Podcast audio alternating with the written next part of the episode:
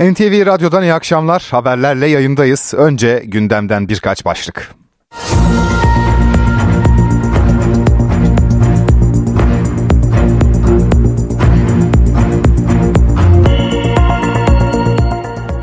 Cumhurbaşkanı Recep Tayyip Erdoğan, Milli İstihbarat Teşkilatı'nın 97. kuruluş yıl dönümü etkinliğinde Mossad ajanlarına yönelik operasyonla ilgili konuştu. İsrail yönetimine yönelik sözleri dikkat çekti. Az sonra aktaracağız.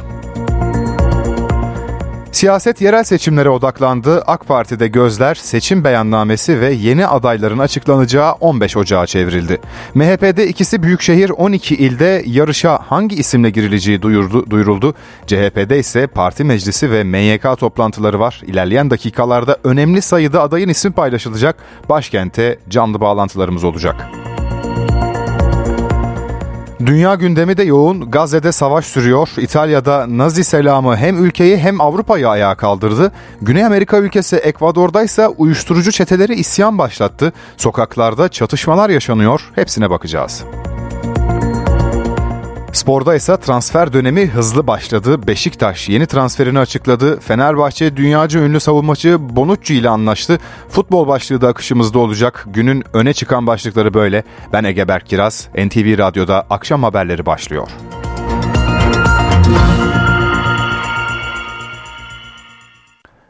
Cumhurbaşkanı Recep Tayyip Erdoğan, Milli İstihbarat Teşkilatı'nın 97. kuruluş yıl dönümü etkinliğinde konuştu. Terörle mücadelede önemli mesajlar verdi. Geçtiğimiz hafta Türkiye'deki Mossad ajanlarına yönelik operasyonla ilgili de daha bu işin ilk adımı atıldı dedi. Birilerinin iddialarının aksine ülkemizde bir eksen kayması yaşanmamış, bilakis uzun arayışlardan sonra ülkemiz asıl eksenini bulmuştur. Bu eksenin adı da Türkiye eksenidir. Eskiden olduğu gibi başkaları ne der kaygısıyla hareket etmiyoruz. İç ve dış siyasette aldığımız her kararı, hayata geçirdiğimiz her politikayı tamamen Türkiye eksenli olarak belirliyoruz. Milletimizin menfaatleri neyi gerektiriyorsa, Türkiye'nin neye ihtiyacı varsa, kimin ne dediğine bakmadan onu yapmanın peşindeyiz. Doğru zamanda doğru adımlarla milletimizin çıkarlarını gerek diplomasi gerekse askeri sahada cesaretle savunuyoruz. Suriye'nin kuzeyine yönelik askeri operasyonlarımız bunun açık bir örneğidir. İnsansız hava araçlarını etkin şekilde kullanan kurumlarımızın en başında MİT başkanlığımız var. Milli İstihbarat Teşkilatımız teröristlere nefes aldırmıyor. Suriye ve Irak'taki nokta istihbari operasyonlarımızla PKK'nın sözde lider kadrosunu inlerinde çıkamaz hale getirdi. Artık istihbarat teşkilatımız bunların ayak takımlarıyla uğraşmıyor. Tamamıyla lider kadrolarını yok etmenin gayretinde. Ve mücadele bu şekilde veriliyor. Türkiye Cumhuriyeti belki yarına bırakır ama ihaneti ve terörü kimsenin yanına kar bırakmaz. Aynı törende MİT Başkanı İbrahim Kalın da konuştu ve şu mesajları verdi. Güçler koydukları kuralları kendileri ihlal ederek uluslararası düzenin güvenilirliğini tahrip ediyorlar. Demokrasi, hukukun üstünlüğü, insan hakları ve ifade özgürlüğü kavramları gücü elinde bulunduranlar tarafından araçsallaştırılmakta ve hasımlarına baskı yapmak amacıyla kullanılmaktadır. Doğal sınırlarını aşarak başkalarının hakkına tecavüz eden her güç, aktör ve politika kendi sonunu hazırlamaya başlamış demektir. Filistin halkının temel beklentileri karşılanmadan Orta Doğu'ya barış, güven ve istikrarın gelmesi mümkün olmayacaktır. Yeni bir risk alanıyla karşı karşıyayız. Yapay zeka. Yapay zeka çağımızın adeta dijital atom bombasıdır. Her türlü manipülasyona da açık bir mahiyet arz etmektedir. Sınırı ve çerçevesi çizilmemiş yapay zeka çalışmaları insanlığın geleceğini doğrudan tehdit etme potansiyeline sahiptir. Siber vatanı korumak en az fiziki sınırlarımızı korumak kadar hayati önemdedir. Devlete ve millete yapılan hiçbir ihanet cezasız kalmayacaktır. Türkiye son yıllarda kendine yeterli, caydırıcı ve önleyici bir güç merkezi olmak için tüm ezberleri bozmuştur. Temel ilkemiz şudur. Sahada ve masada kazanmak önemlidir, hayatidir, vazgeçilmezdir. Ama aynı şekilde önemli olan gerçek ve kalıcı zafer zihinleri ve gönülleri kazanmaktır. Sahada ve masada elde edilen kazanımları kalıcı hale getirmenin yolu zihinlerde ve kalplerde elde edeceğimiz zaferlerdir, başarılardır. Milli İstihbarat Akademisi'nin kuruluşunu gerçekleştirdiğimizi ilan etmekten büyük bir memnuniyet duyuyorum. Milli İstihbarat Akademimizin batılı ülkelerde aşırı sağ hareketler başlıklı ilk değerlendirme raporunu da bugün sizlerle paylaşıyoruz. Söz konusu hareketler Batı demokrasileri ülkemiz ve dünyanın güvenliği için ciddi bir tehdit oluşturmaktadır. Az önce gelen bir haberle devam edelim. Milliyetçi Hareket Partisi ikisi büyükşehir 12 ilin belediye başkan adayını açıkladı. MHP'den notları Mustafa Berber aktarıyor. MHP AK Parti ile yerel seçimler için bir anlaşmaya gitmişti ve 30 büyük şehrin 28'inde AK Parti'nin adayları desteklenecek. iki büyük şehirde ise MHP'nin adaylarını AK Parti destekleyecekti. Böyle bir anlaşma vardı ve bu kapsamda da toplam 55 aday açıklanmış oldu. Bunlardan ikisi bahsettiğimiz o iki büyük şehir ve 12'si, 12'si de il statüsünde olan e, seçim bölgeleri ve bu noktalarda adaylarını açıkladı Milliyetçi Hareket Partisi. Hemen bakacak olursak iki büyük şehirde e, nereler var? Manisa'da Cengiz Ergün, Mersin'de ise Serdar Soydan Milliyetçi Hareket Partisi'nin 31 Mart'ta gerçekleştirilecek yerel seçimlerdeki belediye başkan adayı olacak. Geriye kalan illere bakacak olursak Amasya'da Bayram Çelik, Bartın Hüseyin Fahri Fırıncıoğlu, Bayburt'ta e, e, Hükmü Pekmezci, Çankırı'da İsmail Hakkı Esen, Erzincan'da Bekir Aksun, Karabük'te Rafet Vergili, Karaman'da Savaş Kalaycı, Kastamonu'da Yüksel Aydın, Kütahya'da Alim Işık, Nevşehir'de Adnan Doğu, Niğde'de ise Hamdi Doğan, Osmaniye'de ise İbrahim Çenet, Milliyetçi Hareket Partisi lideri Devlet Bahçeli'nin memleketi Osmaniye'de İbrahim Çenet aday olacak. Yani toplamda ikisi büyük şehir 12 14 ildeki adayları bu yönde Milliyetçi Hareket Partisi'nin. Tabi diğer noktalara bakacak olursak 41 büyük şehirde de ilçe belediyelerini açıkladı Milliyetçi Hareket Partisi. Adana'da toplamda 10 ilçede, Mersin'de 9 ilçede, yine Aydın'da 4 ilçede, Ankara'da 4 ilçede, Antalya'da 3 ilçede, Bursa'da 1 ilçede, Denizli'de 1 ilçede, e, Denizli'de 2 ilçede, Erzurum'da Erzurum'da 3 3 e, ilçede, Eskişehir'de 2 ilçede, İstanbul'da ise yine 2 ilçede adaylarını belirledi Milliyetçi Hareket Partisi. Bunlar bu adaylar MHP Genel Başkanı Devlet Bahçeli'nin oluruyla belirlendi. Ankara'ya bakacak olursak dikkat çeken isimler var. Mevcutta da Etimesut Belediye Başkanı Enver Demirel, Milliyetçi Hareket Partisi'nin belediye başkanıydı. Bu seçimlerde de yine e, Milliyetçi Hareket Partisi Enver Demirel ile Etimesut'ta yola devam edecek. Gölbaşı'ndaysa mevcut başkan Ramazan Şimşek'te yola devam edilecek. Karecik'te e, Erdal Dal e, e, burada e, Milliyetçi Hareket Partisi'nin adayı olurken Polatlı'da ise isim değişecek. E, yeni aday bu sene aday olacak isim Levent Çağlancı olacak. Hemen İstanbul'a bakacak olursak İstanbul'da iki aday e, belirlemişti dedik e, Milliyetçi Hareket Partisi için iki ilçede aday belirlemişti. Beşiktaş'ta Serkan Toper, Silivri'de ise Volkan Yılmaz yani mevcut başkan yine aday olacak Milliyetçi Hareket Partisi'nde.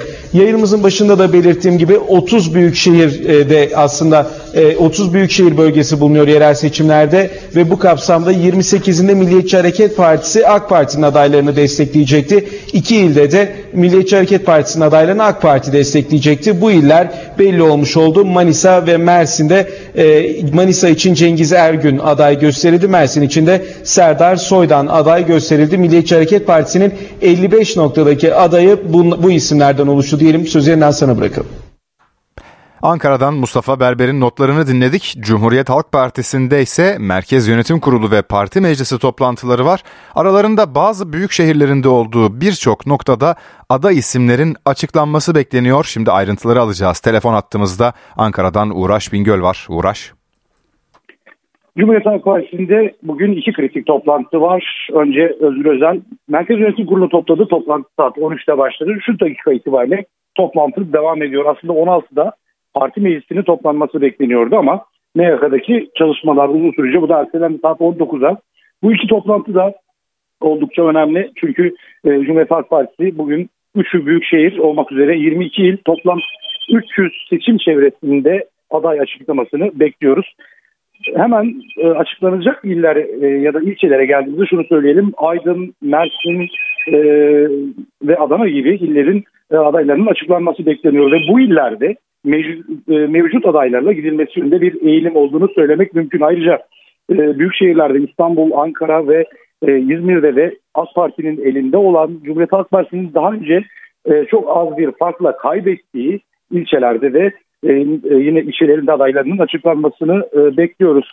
Evet e, bugünkü parti meclisi oldukça uzun sürecek gibi görünüyor. Dediğim gibi kritik ilçeler ve iller var. Cumhuriyet Halk Partisi'nin güçlü olduğu yerlerde ki adaylar ise Ocak ayının ikinci haftasına e, bırakılmış durumda 15 gibi e, bir e, takvim öngörülüyor. İstanbul'a baktığımızda Beyoğlu, Zeytinburnu, Eyüp Sultan, Çatalca, Silivri, Tuzla, Üsküdar gibi ilçelerin bugün açıklanmasını bekliyoruz. E, Cumhuriyet Halk Partisi'nde bir gelişme daha var. Yarın DEM Parti ile bir görüşme olacak. Hatırlanacağı üzere bir işbirliği değil ama kent uzlaşısı noktasında iki partide mutabık kalmıştı. Onlar başında İstanbul, Ankara, İzmir gibi iller e, geliyor. Daha önce CHP Genel Başkanı Özgür Özel e, DEM Parti'yi ziyaret etmişti. Yarın da iade ziyareti olacak. DEM Parti'nin eş genel başkanları e, Cumhuriyet Halk Partisi Genel Merkezi'ni ziyaret edecek. Yine yerelde işbirliği nasıl yapılacak bunun formülleri masaya yatırılacak. Ee, ama bu görüşme öncesinde Cumhuriyet Halk Partisi ile DEM Parti arasında bir soğuk rüzgar esmişti. Bunu hemen hatırlatalım.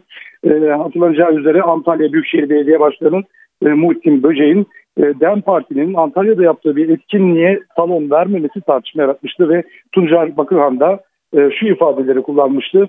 Bizi yok sayana e, oyda yok açıklamasını yapmıştı. İşte bu e, tartışmanın gölgesinde yarın Cumhuriyet Halk Partisi'nde DEM Parti ve Cumhuriyet Halk Partisi'nin genel başkanı e, görüşecekler. Masada da kent uzlaşısı var. Evet e, ilerleyen dakikalarda parti meclisi toplanacak. Geç saatlere kadar sürmesini bekliyoruz. Ardından e, Cumhuriyet Halk Partisi'nin sözcüsü Deniz Yücel kameraların karşısına geçecek ve bu belirlenen 3 3'ü büyük şehir 22 il toplam 300 seçim çevresinde adayları tek tek ilan edecek. Ankara'dan Uğraş Bingöl'ün notlarını dinledik. Ekonomi yönetimi memur emeklisiyle işçi emeklisi arasındaki zam farkının giderilmesi için çalışma yapıyor. Hükümet bütçe dengeleri ve %36 oranındaki 2024 yılı enflasyon hedefinin zora girmemesi için hassasiyet gösterirken nihai kararı Cumhurbaşkanı Recep Tayyip Erdoğan verecek. Öte yandan 700 bin kamu işçisinin ek zam talebi var. Türk İş ve Hak İş yetkilileri görüş alışverişinde bulunmak için bir araya geldi. Hak İş Başkanı Mahmut Arslan Çalışma Bakanlığı'na mektup yazdıklarını söyledi. Kamuda çalışan işçiler ek zam istiyor. Hak İş ve Türk tabandaki bu taleple ilgili harekete geçti. Önce Hak İş, konuyla ilgili Çalışma ve Sosyal Güvenlik Bakanlığı'na bir mektup gönderdi. Ardından Türk ve Hak İş yönetimi bir araya geldi. İki işçi sendikası, kamu çerçeve protokolündeki hakların iyileştirilmesine yönelik talepleri de ele aldı. Ek protokolün yapılması hususunda bir e, genel bakış açımız var. Bu konuda hükümetimizin de e, TÜİS'in bu noktada bizimle aynı noktaya gelmesi için de çalışmalar var. Bu müzakerelerde bunu e, göreceğiz. Hakiş Genel Başkanı Mahmut Arslan fiyat artışlarına dikkat çekti. Taleplerin refah payı ve iyileştirme olduğunu belirtti. Toplu iş sözleşmesiyle elde ettiğimiz haklarımızın daha fazla erimemesi için bir ek protokolla 1 Ocak itibariyle kamudaki e, yaklaşık 600 bin civarındaki arkadaşımızın e, haklarının iyileştirmesini talep edeceğiz. 700 bine yakın kamu işçisi toplu sözleşmeye göre 2024'ün ilk 6 ayında %10 artış artı enflasyon farkı alacak. İkinci 6 ayda ise %10 artı enflasyon farkı kadar artış yapılacak. İşçilerin beklentisi bu oranların ek protokolle güncellenmesi. Türk Metal Sendikası ve Metal Sanayicileri İşverenleri Sendikası ile yürütülen toplu iş sözleşmesi sürecinde anlaşma sağlanamadı. Türk Metal Sendikası grev kararı aldı. Son toplantıda zam teklifi %60 olarak güncellendi. Ancak Türk Metal Sendikası teklifi kabul etmedi. Süreç ara bulucuya taşındı. Burada da uzlaşma olmadı. Türk Metal Sendikası yarın bütün iş yerlerinde protesto eylemleri gerçekleştirecek. Dünyada hızla büyüyen, Türkiye'de de büyük ilgi gören kripto varlıklara ilişkin yasal düzenlemede sona geliniyor. Hazine ve Maliye Bakanı Mehmet Şimşek, temel hedefimiz bu alanı daha güvenli hale getirmek, odak noktamız vergi olmayacak dedi. Kripto para düzenlemesi netleşmeye başlıyor. Hazine ve Maliye Bakanı Mehmet Şimşek, hazırlıkları devam eden düzenlemeye dair değerlendirmelerde bulundu. Şimşek, teknik çalışmalarda son aşamaya geldiklerini ifade etti. Bazı platformlardaki aşırı fiyat hareketleri nedeniyle risklerin doğduğunu aktaran Şimşek, bu risklerin azaltılması adına adım atacakları belirtti. Bunu aynı zamanda gri listeden çıkmak için yapmamız gerekiyor dedi. Şimşek dünyadaki gelişmeleri yakından izlediklerini ifade etti. Ülkelerin kendi finansal ve hukuk sistemlerine uygun yaklaşımları benimsediklerini söyledi. Türkiye'nin de düzenleme yapması gerektiği ortada dedi. Şimşek, platformları ve işlemleri düzenleme altına alacaklarını dile getirdi. Temel hedeflerinin vergi geliri olmadığını söyledi. Bu konunun ayrıca çalışılacağı bilgisini paylaştı. Şimşek, hazırlanan taslak metinde kripto varlıkların geniş anlamda tanımlandığını aktardı. Prensip olarak platformlarda listelenecek kripto varlıklara müdahale edilmemesine yönelik politika benimsediklerini belirtti. Marmara bölgesi İzlanda üzerinden gelen soğuk havanın etkisinde. Kar nedeniyle Tekirdağ, Edirne ve Çanakkale'de eğitime birer gün ara verildi. Çok sayıda araç yollarda mahsur kaldı. Kar ve tipi nedeniyle yollar kapandı. Mahsur kalanlar saatler sonra kurtarıldı. Çıkamıyorduk. Sağ olsunlar zincir takmamıza yardımcı oldular. Ve sıkıntı çözüldü. Yolumuza devam edebileceğiz. Çanakkale'de kar kalınlığı yarım metreye yaklaştı. Tipi ve buzlanma nedeniyle Biga Balıkesir karayolunda araçlar mahsur kaldı. 2 saatlik çalışma sonucu yol yeniden ulaşıma açıldı. Kar nedeniyle Çanakkale'de şehir merkezi ve 6 ilçede okullar tatil edildi. Çanakkale 18 Mart Üniversitesi'nde de eğitime bir gün ara verildi. Şehrin yüksek kesimlerinde etkili olan kar nedeniyle 46 köyle irtibat sağlanamıyor. Balıkesir'de iki gündür devam eden kar zaman zaman tipiye dönüşüyor. Marmara Adası'nda kar kalınlığı yaklaşık 40 santimetreye ulaştı. Mahsur kalan araçlar belediye ekiplerince kurtarıldı.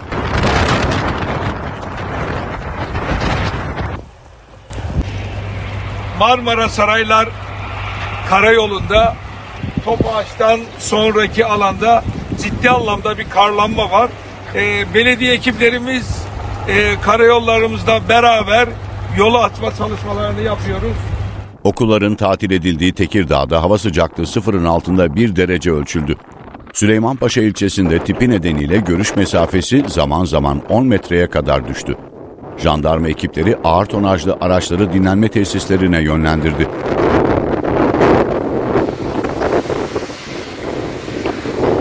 Şehir genelinde 10 mahalle yolu ulaşıma kapalı. Ekipler ana arterlerde yolların kapanmaması için yoğun çaba gösteriyor. Eğitime ara verilen Edirne'de ise kar yerini dondurucu soğuğa bıraktı. Süs havuzları, cadde ve yollar buz tuttu. Sürücüler trafikte zor anlar yaşadı. NTV Radyo Virüs yayılımı hızlandı. Son dönemde hastaneye başvurular arttı. Poliklinikler, acil servisler, yoğun bakımlar doldu. Grip, RSV ve Covid etrafta kol geziyor. Nasıl korunmalı, nelere dikkat etmeliyiz? Enfeksiyon hastalıkları uzmanı Profesör Bülent Ertuğrul anlattı. Şu anda böyle birden çok virüsün yol açtığı üst solunum yolu ve e, özellikle risk grubunda pnömoniyle seyreden bir salgının içerisindeyiz. İnfluenza var, aynı zamanda respiratuar sinsitial virüs yani RSV var, aynı zamanda diğer üst solunum yolu infeksiyonu virüsleri var. İnfluenza ve COVID-19 için söz edecek olursak ateş, kas ağrısı, yaygın kas ağrısı, eklem ağrısı, e, bazen boğaz ağrısı, diğer virüsler için ise burun akıntısı, nezle bulguları, göz yaşarması, boğaz ağrısı, özellikle kuru öksürük e, bu bulguların içerisinde önce diyelim bir RSV enfeksiyonu geçiriyor bireyler. Tam o geçmek üzereyken toplumda yaygın olduğundan dolayı başka bir üst solunum yolu virüsüyle tekrar infekte oluyorlar. Özellikle okulları da anımsatmak gerekiyor bu durumda. Çünkü çocuklar da böyle tekrarlayan viral enfeksiyonlar, viral enfeksiyon atakları geçiyorlar ve e, onlar eve taşıyorlar. Doğal olarak üst solunum yollarımızda ciddi tahribat yaratıyor. Bu tahribat ve inflamasyon devam ettiğinden dolayı öksürük de devam ediyor. Ilık sıvı almak, Tabii bir de şunu da mutlaka belirtmek gerekiyor. Bu enfeksiyonların %85-90'ı viral enfeksiyonlardır. Bu viral enfeksiyonları antibiyotik ile tedavi edemeyiz. Gerçekten aciller çok dolu şu anda. Çünkü e, insanlar böyle bir salgın gibi oluşan dönemde en rahat çözümü bulabilecekleri ortam olarak acilleri görüyorlar. Çünkü devlet hastanelerindeki normal polikliniklerden sıra almak çok e, olanaklı değil. Ama onunla beraber bu enfeksiyonun seyrinde özellikle risk grubunda bir grup solunum sıkıntısı ve diğer vücut vücut fonksiyonlarında da bozulmalar olduğundan servislere yatmak zorunda kalıyorlar ve hatta yoğun bakıma yatıyor. Bizzat hasta olanların maske takması gerekiyor. Diğer bireylerin de işte bir toplu taşıma, otobüs olabilir, bu metro olabilir, tramvay olabilir veya alışveriş merkezi olabilir, kalabalık ortamların içerisine girecekse insanların maske takması bence en önemli koruyucu etkenlerden bir tanesi. İstanbul'da bir servis minibüsü 5 yaşındaki çocuğu görmedi, aracın altında kalan küçük Muhammed hayatını kaybetti. Muhammed'in abisi de 2 yıl önce trafik kazasında ölmüştü. Şoför kusuru olduğunu, şoförün daha dikkatli olması gerektiğini, sağa dönerken sağ tarafının bir kör nokta e, olduğunu, oradan he, her e, bir şeyle karşılaşabileceğini düşünerek e, dönmeliydi diye görüyorum.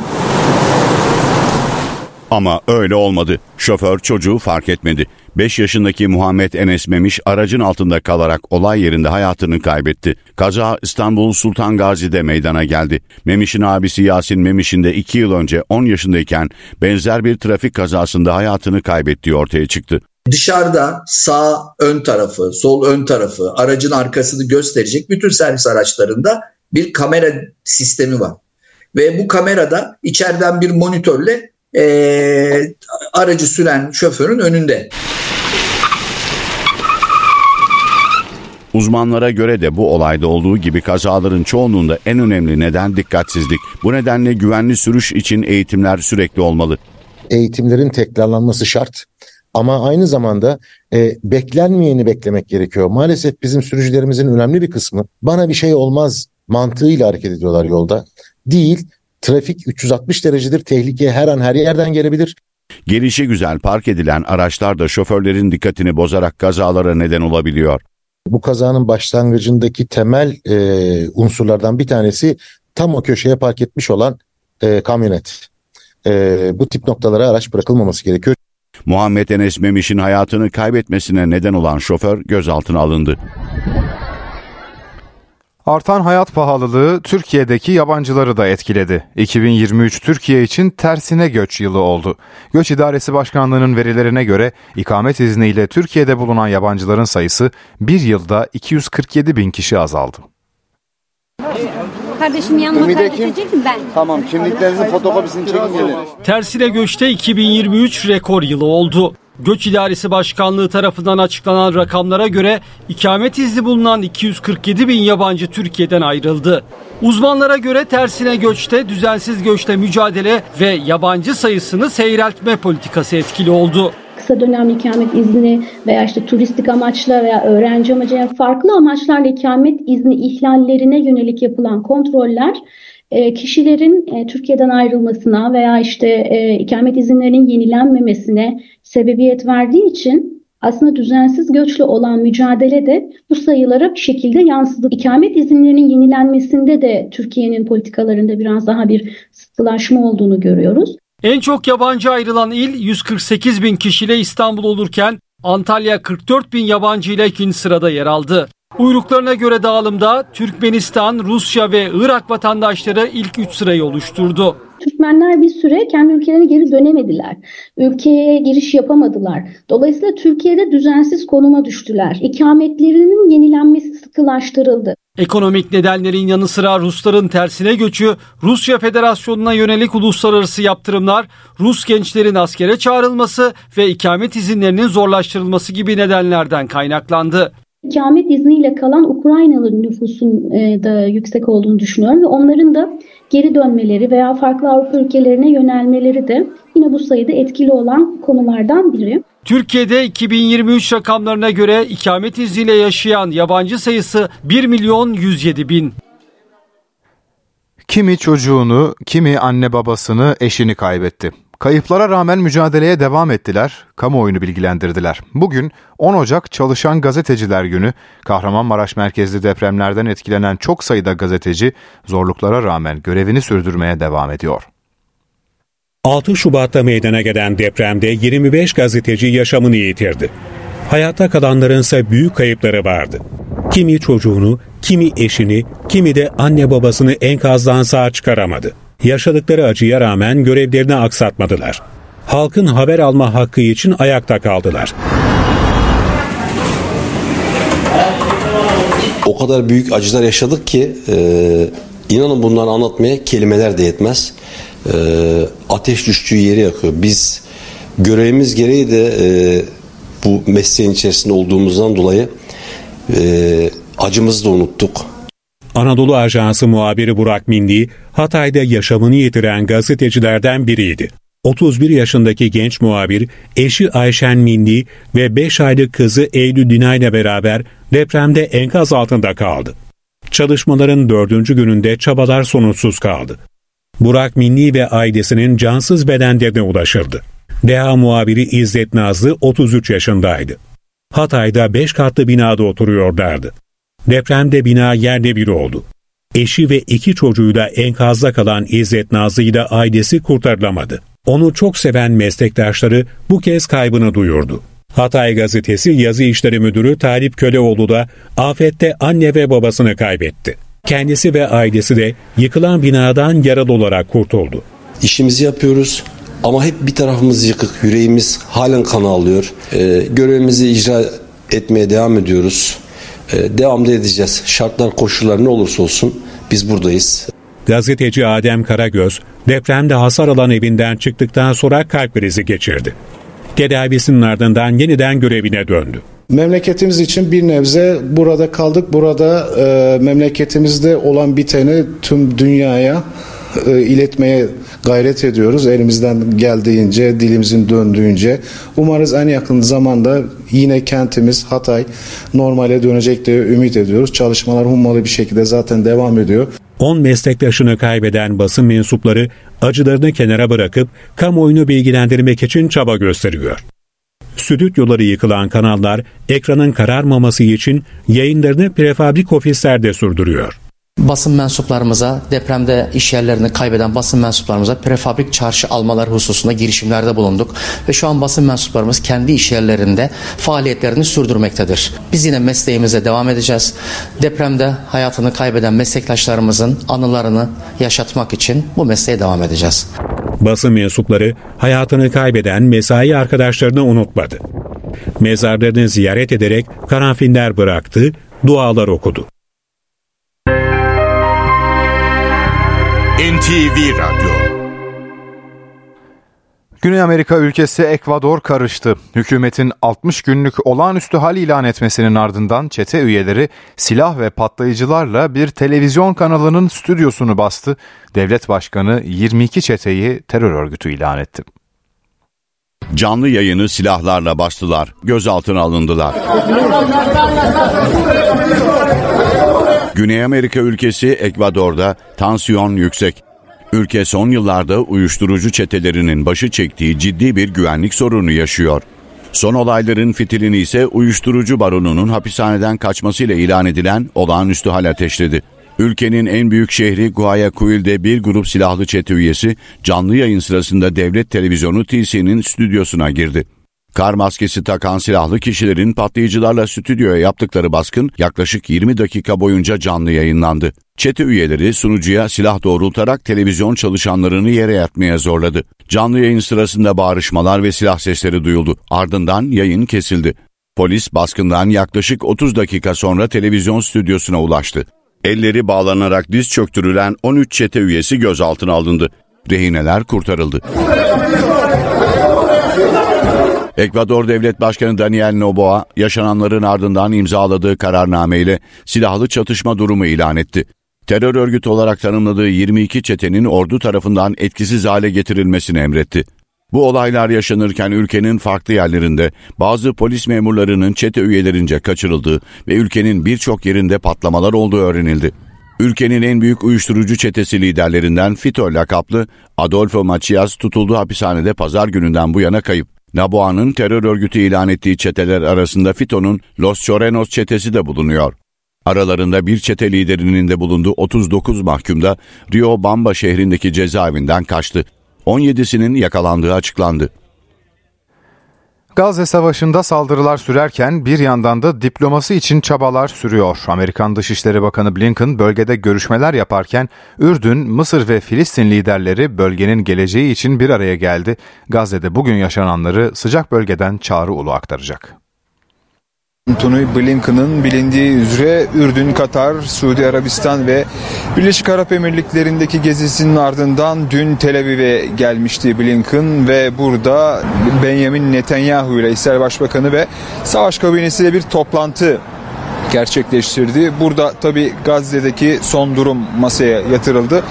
Blinken Gazze'deki sivillerin evlerine dönmesi konusunda bir öneri sundu ancak bu savaş kabinesi tarafından reddedildi ve bunun üzerine Birleşmiş Milletler gözetiminde olması teklifinde savaş kabinesi, İsrail savaş kabinesi buna daha ılımlı yaklaştı e, diyebiliriz ve Gazze'ye insani yardımların gitmesi için Blinken'ın bir konu yatırdı masaya. Bunu İsrail Savaş Kabinesi'ne sundu. Ancak Savaş Kabinesi bu yardım tırları, insani yardımların gelip Hamas'a gideceğinden şüphe ediyoruz dedi ve Blinken Birleşmiş Milletler gözetiminde olması önerisinde bulundu ve bu Savaş Kabinesi tarafından ılımlı karşılandı. Kuzeyde özellikle El Kassam Tugaylarına karşı üstün olduğunu açıklamıştı.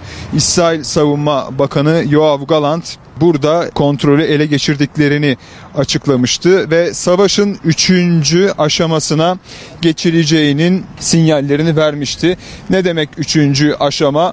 Kara harekatlarının sona e, sona ermese de daha azaltılacağını, hava saldırılarının azaltılacağını ancak noktasal operasyonlara daha ağırlık verileceğini açıklamıştı. Gazze'nin merkezinde ise Kasaplaylarıyla İsrail'in çatışmaları tabi bombardıman devam ediyor. Burada yeraltı tünellerinden El Kassam Tugayları İsrail'e saldırıyor. Burada bir tansiyonun yüksek olduğunu söyleyebiliriz. Güneye bakacak olursak özellikle güneyde e, nüfus çok çok yoğunlaşmıştı ve İsrail burada da özellikle Han Yunus bölgesine bombalar yağdırmaya devam ediyor. Her geçen gün sivil kayıpların arttığını söyleyebiliriz. Zaten Amerikan Dışişleri Bakanı Blinken da Tel Aviv yönetimiyle konuştuğunda o Güney Gazze'nin güneyindeki nüfusun kuzeye kaydırılması yönünde çağrıda bulunmuştu ve bugün de Filistin Devlet Başkanı Mahmut Abbas'la Batı Şeria Ramallah'ta iki saatlik bir görüşme gerçekleştirdi Blinken ve buradan ayrılarak Tel Aviv'e geçti. Gazze sınırından son notları Çağrı Ulu'dan dinledik. Uzay çalışmalarında üst üste olumsuz gelişmeler yaşanıyor. Özel bir şirketin Ay'a indirmeyi planladığı ilk uzay aracı teknik arıza sebebiyle başarısız oldu. NASA da Ay yüzeyine yeniden astronot indirme planını 2026'ya erteledi. Hazır olmadığımız sürece fırlatma gerçekleşmeyecek. Amerikan Havacılık ve Uzay Dairesi NASA, 50 yıl aradan sonra Ay'a gerçekleştirilecek insanlı uçuşları bir yıl erteledi. Açıklama kurumun yöneticisi Bill Nelson'dan geldi. Gecikmenin yaşam destek sistemi ve ısı kalkanının üretiminde yaşanan sorunlardan kaynaklandığı ifade ediliyor. Astronotların uzay boşluğunda hayatta kalmasını sağlayacak yaşam destek sisteminin elektronik aksamının gözden geçirildiği vurgulandı. 2022'de yapılan Artemis 1 uçuşunda hasar gören ısı kalkanı da güçlendirilecek. Ay'a iniş aracı da henüz hazır değil. Orion kapsülüyle dünyadan Ay'a gidecek astronotlar, Ay yörüngesinden yüzeye inmek için SpaceX'in Ay inişi için modifiye ettiği Starship HLS aracını kullanacak. Ancak önce uzay aracının tüm testlerinin tamamlanması, fırlatmanın ardından yaklaşık 10 tanker gemiyle uzayda yakıt ikmali yapılması ve nihayet aracın ay yörüngesine sorunsuzca ulaşması gerekiyor. Starship'in hazır olmadığını vurgulayan SpaceX, ilk uçuşların insansız yapılmasını önermişti. Riskleri en aza indirmek istediklerini vurgulayan NASA yetkilileri, Artemis 3 görevi ve ay yüzeyine iniş planlarını bir yıl erteleyerek Eylül 2026'ya öteledi. Bu yıl içinde ay çevresinde uçuş gerçekleştirmeleri planlanan astronot ekibi de 2025'e kadar beklemek zorunda kalacak. Son olarak Astrobotics firmasının Ay'a inmesi planlanan aracında teknik arıza yaşanmıştı. Fırlatmadan saatler sonra gerçekleşen motor arızası sebebiyle Peregrine adlı aracı Ay'a inemeyecek. Şirketin geliştirdiği düşük maliyetli uzay araçlarıyla Ay misyonu için kargo taşımaları hedefleniyor.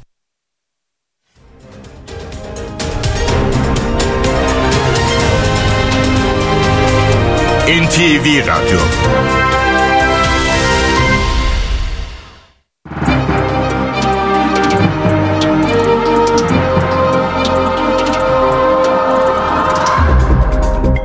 Borsa İstanbul Yüz Endeksi 7877 seviyelerinde. Dolar 29.96, Euro 32.82'den işlem görüyor. Euro dolar paritesi 1.09, ons altın 2032 dolarda, gram altın, altın 1958, çeyrek altın 3321 liradan satılıyor. Brent petrolün varil fiyatı 78 dolar.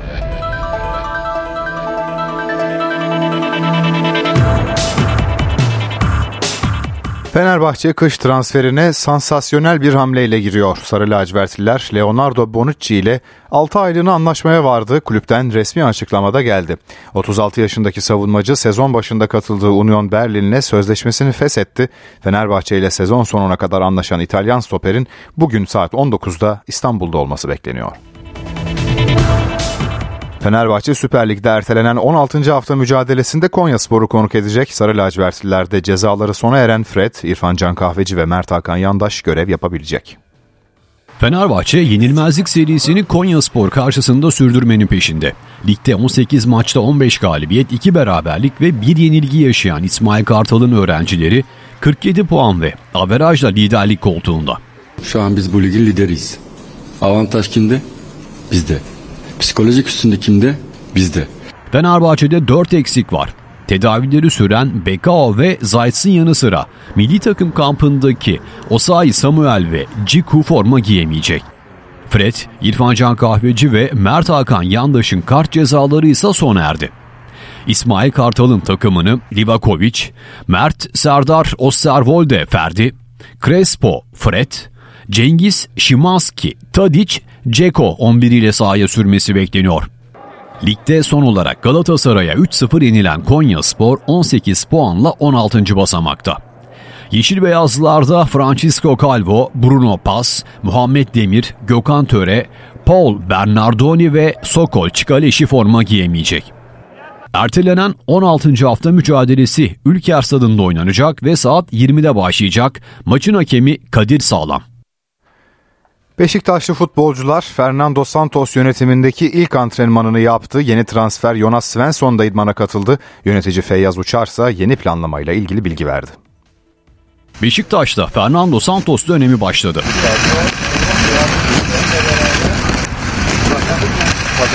Portekizli teknik adam siyah beyazlara ilk antrenmanını yaptırdı. Beşiktaş Futbol Şube Sorumlusu Feyyaz Uçar da çalışmayı takip etti. Kadro dışı kalan futbolcularla ilgili kararın Santos'a ait olduğunu söyledi. Hocamızla konuştuk, her oyuncuyla ilgili bilgilendirdik. Bundan sonraki tasarruf tamamen onda. Mutlaka oyuncularla görüşecektir. Duruma göre kararını verecektir. Hocanın vereceği her karara saygılıyız. Kadro dışı olan oyuncularla ilgili teklifleri açık olduğumuzu söylemiştik. Olursa mutlaka değerlendireceğiz. Birkaç mevkide daha mutlak transfer yapmak zorundayız. O konuda bir sıkıntı yok. Beşiktaş'ta Valentin Rozier ve Vincent Abubakar hakkındaki kadro dışı kararı sürüyor. Rıza Çalınbay'ın ayrılmasından sonra takımı maçları hazırlayan 19 yaş altı teknik direktörü Serdar Topraktepe'de Fernando Santos'un ekibine dahil edildi. 2,5 yıllık sözleşme imzalayan yeni transfer Norveçli sağ bek Jonas Svensson da antrenmandaydı. Beşiktaş yeni teknik adamı yönetimindeki ilk maçına cumartesi günü çıkacak. Siyah beyazlar Babakars Fatih Karagümrük'ü konuk edecek. İstanbul'da trafik yoğunluğu %78 seviyelerinde Avrupa yakası için D100 Çoban Çeşme mevkiinden itibaren başlayan yoğunluk Küçükçekmece'ye avcılara kadar uzanıyor. Anadolu yakası için ise Tem Samandıra ve Kartal bölgesinden itibaren Çamlıca gişelere ve Ataşehir'e kadar trafik yoğunluğu sürüyor. 15 Temmuz Şehitler Köprüsü için her iki yakadan geçişlerde Fatih Sultan Mehmet Köprüsü için ise Avrupa yakasından geçişlerde yoğunluk var. O trafik karşı yakaya kadar sürüyor. Yolda olanlara güvenli yolculuklar. 啊！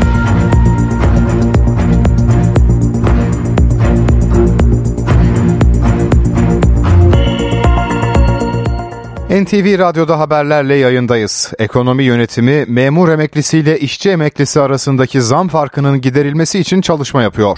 Konu bugün AK Parti Grup Başkanı Abdullah Güler'e soruldu. Güler üzerinde çalışılıyor dedi. Önümüzdeki hafta yapılacak kabine toplantısını işaret etti. Ayrıntıları alacağız. Ankara'dan Özgür Akbaş aktarıyor.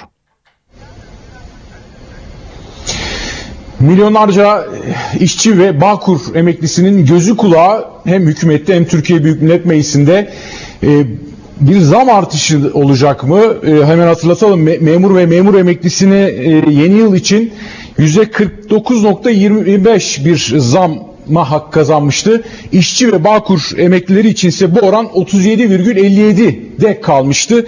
İşte bu noktada memur ve işçi emeklileri arasındaki yaklaşık bu 12 puanlık fark giderilecek mi? Bu oran eşitlenecek mi? Bu soru yanıt arıyordu ve bugün İlk resmi açıklama belki de AK Parti Grup Başkanı Abdullah Güler'den geldi ve bu konuda çalıştıklarını söyledi Abdullah Güler. Bu konuyla ilgili çalışılıyor dedi ve Çalışma Bakanlığı'yla bir ön görüşme yaptıklarını vurguladı. E, bugün 10 Ocak e, çalışan gazetecilerin günü bu yüzden Parlamento Muhabirleri Derneği'ni ziyaret etti Abdullah Güler ve orada bu açıklamalar geldi. Başka neler söyledi? Güler şunları ifade etti. Etki analizleri, bütçe imkanları, oransal manada artış değerlendirmesi kabinenin önümüzdeki hafta yapacağı toplantıda değerlendirilecek dedi. Zaten bir kanun hazırlığı içinde olduklarını ifade etti Abdullah Güler.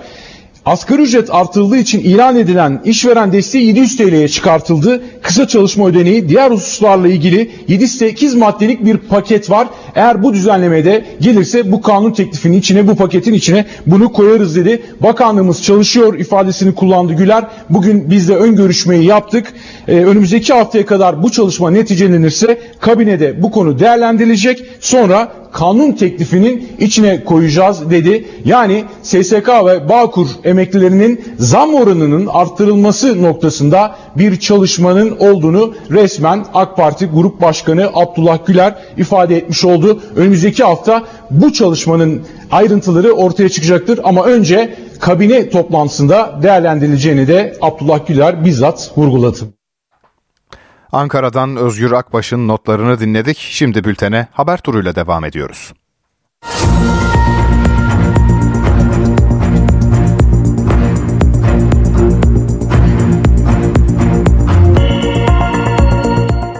Milliyetçi Hareket Partisi yerel seçimler için 2 büyükşehir, 12 il ve 41 büyükşehir ilçesinde adaylarını açıkladı. AK Parti'nin destek vereceği iki büyükşehirden Mersin'de Serdar Soydan, Manisa'da ise mevcut başkan Cengiz Ergün aday gösterildi.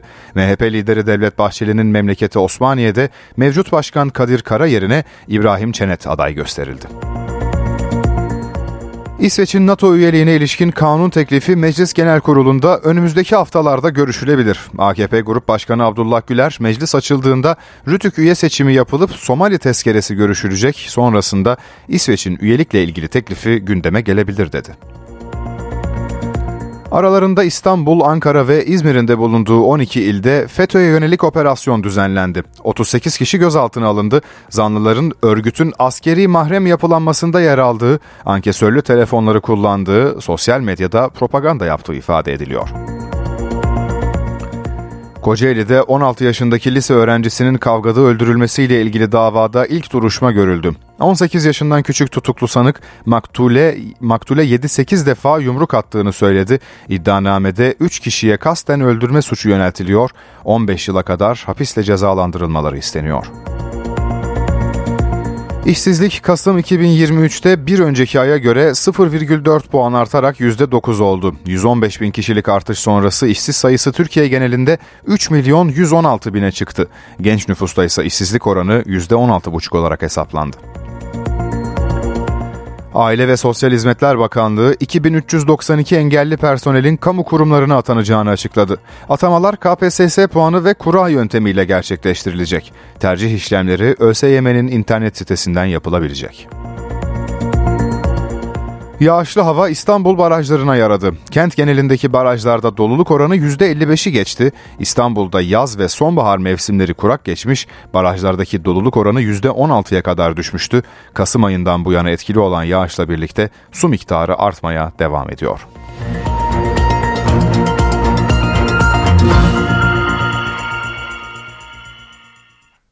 İstanbul Büyükşehir Belediyesi İtfaiye Dairesi bir yılın yangın bilançosunu çıkardı. Buna göre geçen yıl 24 binin üzerinde yangına müdahale edildi. En çok yangının çıktığı ilçe Esenyurt oldu.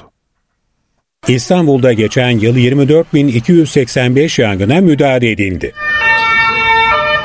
Bunların çoğunluğunun çıkış nedeni dikkatsizlik.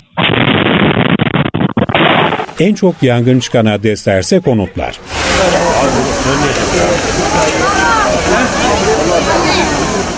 İstanbul Büyükşehir Belediyesi İtfaiye Dairesi Başkanlığı 2023'te çıkan yangınlarla ilgili verileri paylaştı. En çok yangının çıktığı ilçe Esenyurt oldu. Esenyurt'u Pendik ve Arnavutköy takip etti. En az yangınsa adalarda çıktı. Her üç yangından birinin nedeni dikkatsizlik. Söndürülmemiş izmarit, kibrit, çakmak, kıvılcım sıçraması, ocak ateşi ve çocukların ateşle oynaması yangınlara yol açtı. Amacı dışında ya da yanlış kullanılan ısıtıcılar da yangınlara neden oldu. Bu nedenle 5000'in üzerinde yangın çıktı. İtfaiye geçen yıl yangınların dışında sel, su baskını ve diğer konularda 85 bin olaya müdahale etti. 9415 kişiyi kurtardı.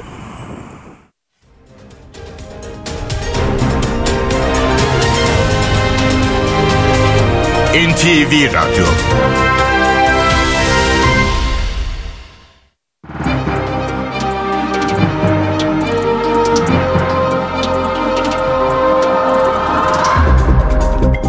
Borsa İstanbul 100 endeksi 7878 seviyelerinde. Dolar 29.97, Euro 32.81'den işlem görüyor. Euro dolar paritesi 1.09. Ons altın 2025 dolarda, gram altın 1953, çeyrek altın 3312 liradan satılıyor. Brent petrolün varil fiyatı 78 dolar.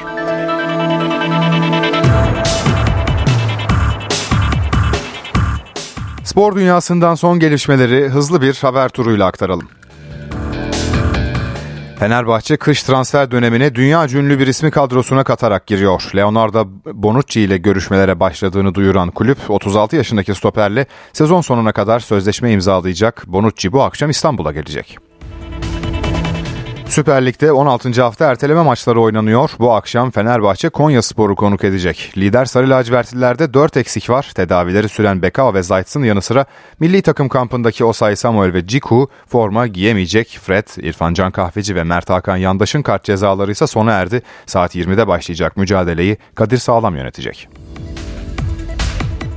Beşiktaş yeni teknik direktörüyle ilk antrenmanını yaptı. Fernando Santos yönetiminde ilk kez çalışan siyah beyazlılarda yeni transfer Jonas Svensson da idmanda yer aldı. Futbol şube sorumlusu Feyyaz Uçar da çalışmayı takip etti. Uçar, kadro dışı oyuncularla ilgili kararın Santos'a ait olduğunu belirtirken 19 yaş altı teknik direktörü Serdar Topraktepe'nin Fernando Santos'un ekibine katıldığı açıklandı.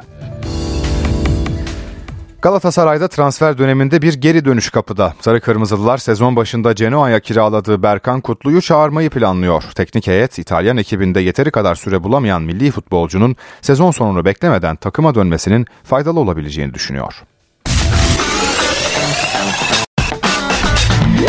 NTV Radyo'da haber ve hayat var. Hayat var.